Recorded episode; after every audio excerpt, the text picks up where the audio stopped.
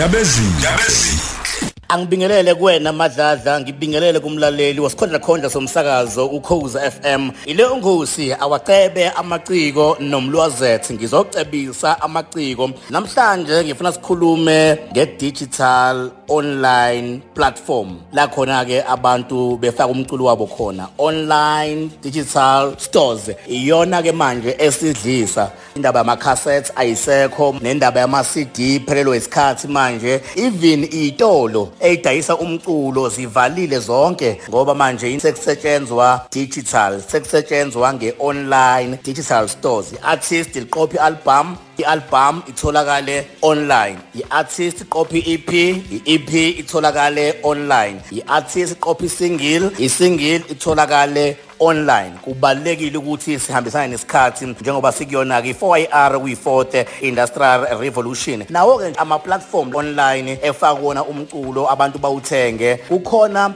angakwenzisi imali. Kukhona abantu abakwazi umculo wakho ukuthola mahala kube khona amanye futhi ke abakwazi abantu ukuthi bawudownloade bawuthenge kube khona okuhlomulayo ikabili ke lento elinye iciko uzothi ayi mina ngisesigabeni sokuthi ngisayiveza ngisafuna abantu bazi ngami ngisafuna umsebenzi wami nje usabalale noma nginganga-benefit angingazuzi lutho kulungile. Nomculo wami bangawudownloada mahhala ngenzela nje umculo wami ukuthi udume usabalale waziwa abantu. Kube khona umuntu othi ayi mina ngeke ngidlula kuma-cost amaningi ngidlula ey'ndlekweni ey'ningi uma ngabe ngenza i-ep ngenza i-album so kumele abantu bakhokhe imali bawuthenge umculo wami. Kube khona engikutholayo ngoba nami ukuze ngenze i-EP ne-album iningi imali engiyifakile lapho. Mina owami umculo ngifuna ukuthi umuntu uma ngabe efuna ukuwuthenga noma abe nawe efonini akhiphe imali kuqala hhayi ukuthi awuthole mahhala. So kumele uwazi-ke nama-platforms okay le abantu uma ngabe beyisebenzisa bethola umculo wami khona ngikutholayo le angitholi lutho. Mhlawumbe ngizokwenza isibonelo sokuthi imaphi ongazama ukuthi ugcile kuona kakhulu azokubenefita uthole imali kuwona. Maningi kakhulu-ke ama-online digital platform but zama ukuthi ingoma yakho itholakale kuma-itunes kubantu abaphatha uhlobo oluthile lwefoni le-iphone bakwazi ukudownloada umculo wakho. Umculo wakho awutholakale ku-tiktok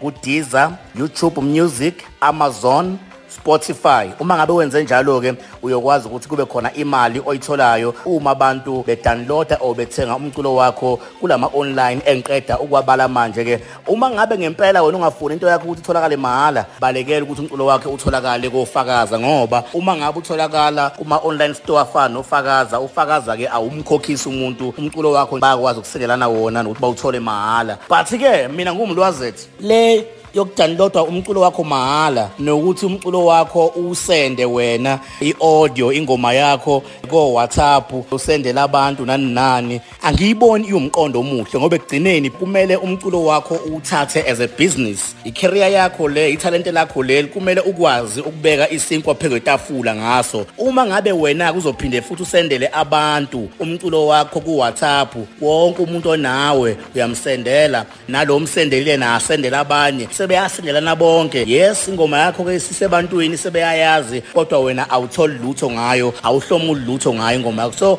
mina bengingathi kugweme ukuthi kube nama-link owanikeza abantu noma nama-order owanikeza abantu ko-whatsapp. Abantu abangene online umculo bawudownload bakhombise ngempela bayakusapotha kube khona nawe okuncane okutholayo. Omuntu othi mlwazethe ngiyafisa nami ukuthi umculo wami utholakale online. Kodwa angazi ukuthi ngingenza kanjani. Ngizoyishiya inombolo ngizokwazi ukukulekelela ekuthenini-ke ufaka kanjani umculo online ukuze ukwazi ukuthi-ke nawe uyihlomlise wenze imali uzuze ngethalente lakho. Nanokuthi okunye engifisa ukusho la ukuthi uyabona le ya-online? Ngiyazi ukuthi even nabantu abaningi abalandeli abaningi bomculo abanye abakayi-understand ngiyacabanga ukuthi sadinga ukuthi kube nama-workshop kube nama-seminars whereby abantu bezofundiswa ba-educate ukuthi okay-ke njengoba sesiphuma manje kuma-cassette nama-cd sesingena manje online ngiyafuna ukumsupport usibani bani kodwa manje eyi angi-understand ukuthi ingoma uma ngabe uyithenga ku-spotify wenza kanjani uma ngabe uyithenga kwi-itunes wenza kanjani uma ngabe uyithenga ku-amazon wenza kanjani. Bafundiswe abantu ngoba vele neningi labantu bayawaphatha ama-smartphone kodwa bakwazi kuwasebenzisa ukuthi benze izinto ey'kanjalo. Kodwa sikhona siyithimba le awaceba amaciko. Sokwazi abantu kancane kancane sibalekelele ngolwazi lokuthi ungayifaka kanjani ingoma yakho online okanye ungamsapotha kanjani umuntu uthenge ingoma yakhe online. Silandela ey'nkundleni zokuxhumana awacebe amaciko nomlwazethe ku-facebook noma ungithinte ku-whatsapp awu-63 2921737 063 2921737 ungabalibali kophina ngengozi mawufuna ukuphumelela bophi babalekile phaphama phikelela phokophela phumelela. Qhubekulela umsakazo ukhozi FM Ndabezini Ndabezini njalo ngesonto kusukela ngo-12 kuya ku-3 ekuseni.